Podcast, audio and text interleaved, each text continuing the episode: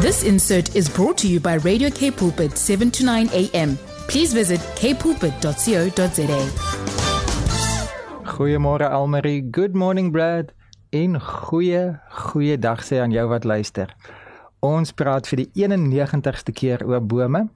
En vir oggend of vandag, wanneer jy ook al nou kans kry om na hierdie gesprek te luister, is ons tema doringbekoring.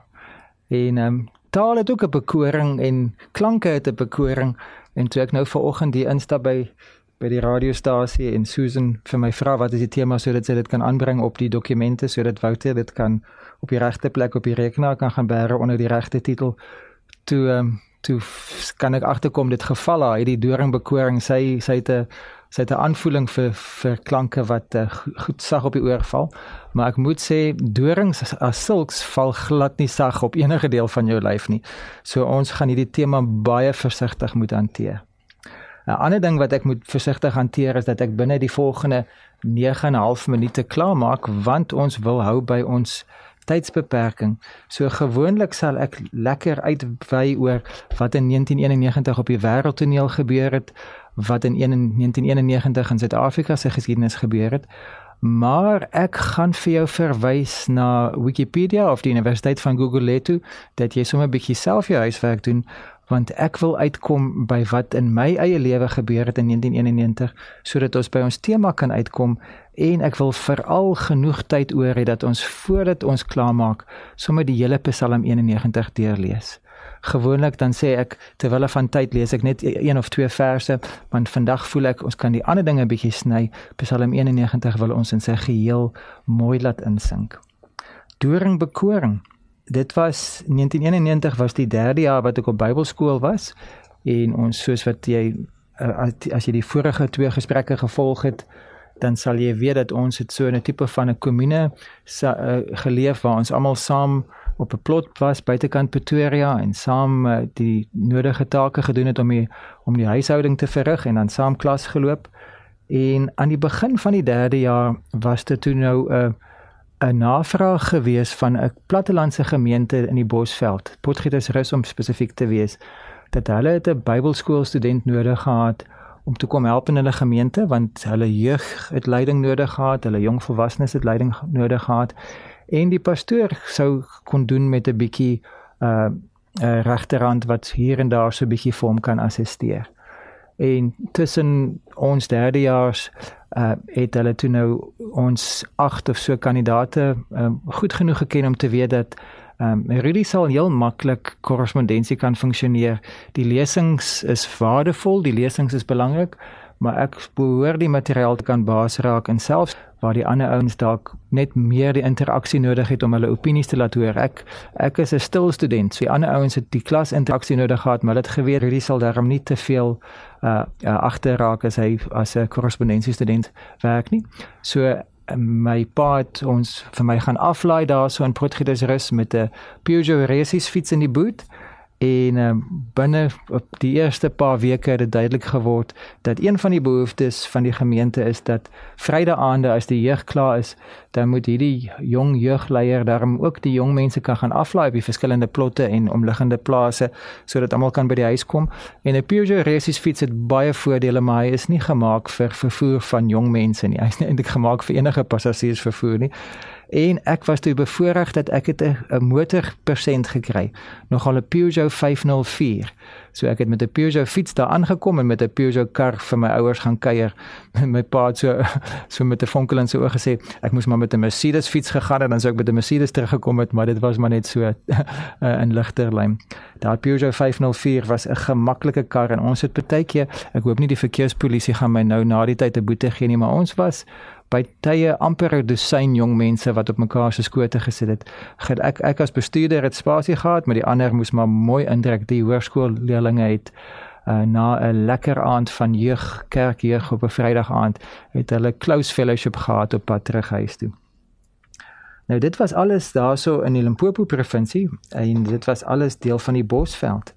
En daai tyd was dit nou maar die stowwerige warm omgewing waar ek gebly het en ek het geniet om in 'n karavaan agter op die pastoor se erf te bly en dit was 'n heeltemal 'n avontuur vir my gewees. Maar nou jare later besef ek maar die bosveld het het 'n manier om net onder jou vel in te klim. Hy het net 'n manier om sy bekoring diep in jou te laat insink. En 'n deel van die bosveld word die Springbok vlakte genoem. En dis nou net mooi daai Potgietersrus, Nylstroom, Naboomspruit, Pietersburg tot tot en met Rutan, daai dele. Pietersburg is nou Polokwane, Potgietersrus is nou Mokopane. En uh, dit is nou net mooi 'n deel waar daar dis die wêreld is lekker plat, die grond is baie vrugbaar. Uh, Deesdae word daar baie landbou gedoen, so van die inheemse bome word uitge, uitgekap en, en en dan vervang met met landboubedrywighede. Maar daar is baie soedorings daarso. Nou as ons praat van soedorings, dan verwys ek jou na Boomstraat 77, soedoring stilgeboorte. Daar het ons lekker gepraat oor die soedoring. Uh daar's ook baie knoppies dorings en ek spandeer die grootste deel van my werksweek tussen ingenieurs en software developers. En as mens die woord knoppie in hulle midde gebruik dan gaan die ingenieur vir jou 'n ding bou met 'n skakelaar en 'n on-off switch en 'n latch en 'n die die knoppie gaan vir hom een ding beteken. En daai programmeerders gaan uh, daai keyboards tokkel op en hulle gaan die knoppies druk dat dat sommer net 'n klomp oulike uh algoritmes uh, tot stand kom. Maar so ons moet bietjie vorentoe oor die knoppies doring ook praat. Maar die derde boom wat baie in die bosveld um algemeen is, is die hakensteek doringbos. En uh die hakensteek het is ongewoon in die sin dat uh, meeste akasias het of almal reguit dorings of die spesies dan almal gekromde dorings, maar die hakensteek het beide reguit en gekromde dorings op dieselfde tak. En uh, in my onkunde het ek min of meer gedink 'n hakensteek en 'n waggebietjie bos is dieselfde ding. En die die be mees bekende waggebietjie bos in my gemoed is die ene wat in Gods Must Be Crazy, uh, Jamie Eyre se film waar Sandra Prinsloo dan nou vassit in 'n in 'n waggebietjie bos en op 'n baie oortuigende manier uitspeel wat die waggebietjie bos aan jou doen. Uh, sommige sou sê op 'n aanskoulike wyse en as jy die fliek gesien het dan sal jy verstaan hoekom ek nou sê in elk geval ons gaan nou nie dat uh, daai toneel ons nou sidetrack nie. Maar 'n uh, 'n hakensteek doringbos is 'n umbrella thorn waar die die ehm um, waggebietjie bos is 'n buffalo thorn. So buffalo thorn in Engels en umbrella thorn en ons sal 'n bietjie op 'n ander stadium oor die waggebietjie bos praat maar die hakensteek of dan nou die umbrella thorn laat my dink aan die feit dat 'n sambreel beskerm jou teen die uh, die wind en die weer. En die of dit nou sagte reën is of harde reën is 'n sambreel kan vir baie help behalwe as die wind te sterk is. Meeste van ons wat in die Kaap bly sal weet dat daai suidooste kan die, die kan jou sambreel sommer heeltemal omdop en dan het hy net mooi geen hulp nie. Maar wat wel altyd hulp is is dat ons geloof is soos 'n sambreel en hy beskerm ons teen die ergste van die wind en die weer. Maar ek weet omdat ek nou al lank genoeg gepad met die Here stap dat geloof nie net altyd soos 'n sambreel voel nie. Soms kan dit voel soos 'n haak en steekbos of dan 'n waggie bietjie bos wat jou so gryp dat dit eintlik pynlik is om vorentoe en agtertoe beweeg. Maar maar um, in om kontras tot 'n tot 'n haak en steek wil die Here meer soos donsvere wees. Kom ons lees Psalm 91. Ek lees uit die 2020 vertaling. Hy wat in die beskutting van die Allerhoogste woon, sal oornag in die skaduwee van die Almagtige. Ek sê vir die Here, my skuilplek, my bergskuiling, my God op wie ek vertrou. Ja, hy is die een wat my red uit die net van die voëlvanger, van die dodelike pes siekte. Met sy vlerke sal hy jou bedek onder sy vleuels sal jy skuilings vind. Ja, hierdie word in die Engelse vertaling so mooi gesê, I will shelter under his feathers. Donsvere, knus veilig. En ek lees verder. 'n Skildenis kans is sy trou. Jy sal nie bang wees vir die verskrikking van die nag vir 'n pyl wat oordag vlieg nie, vir pessiekte wat uh, in die donker rondloop of 'n epidemie wat helde oordag verwoes nie. Daar kan 1000 langs jou val en 10000 aan jou regterkant. Naby jou sal dit nie kom nie, maar jy sal net toe kyk. Die vergelding van goddeloses sal jy sien. Ja, U Here is my skuilplek. En dan is daar nog 'n paar mooi verse, maar kom ons sluit af en sê Koning Jesus, dankie dat U meer as net 'n sambreel is.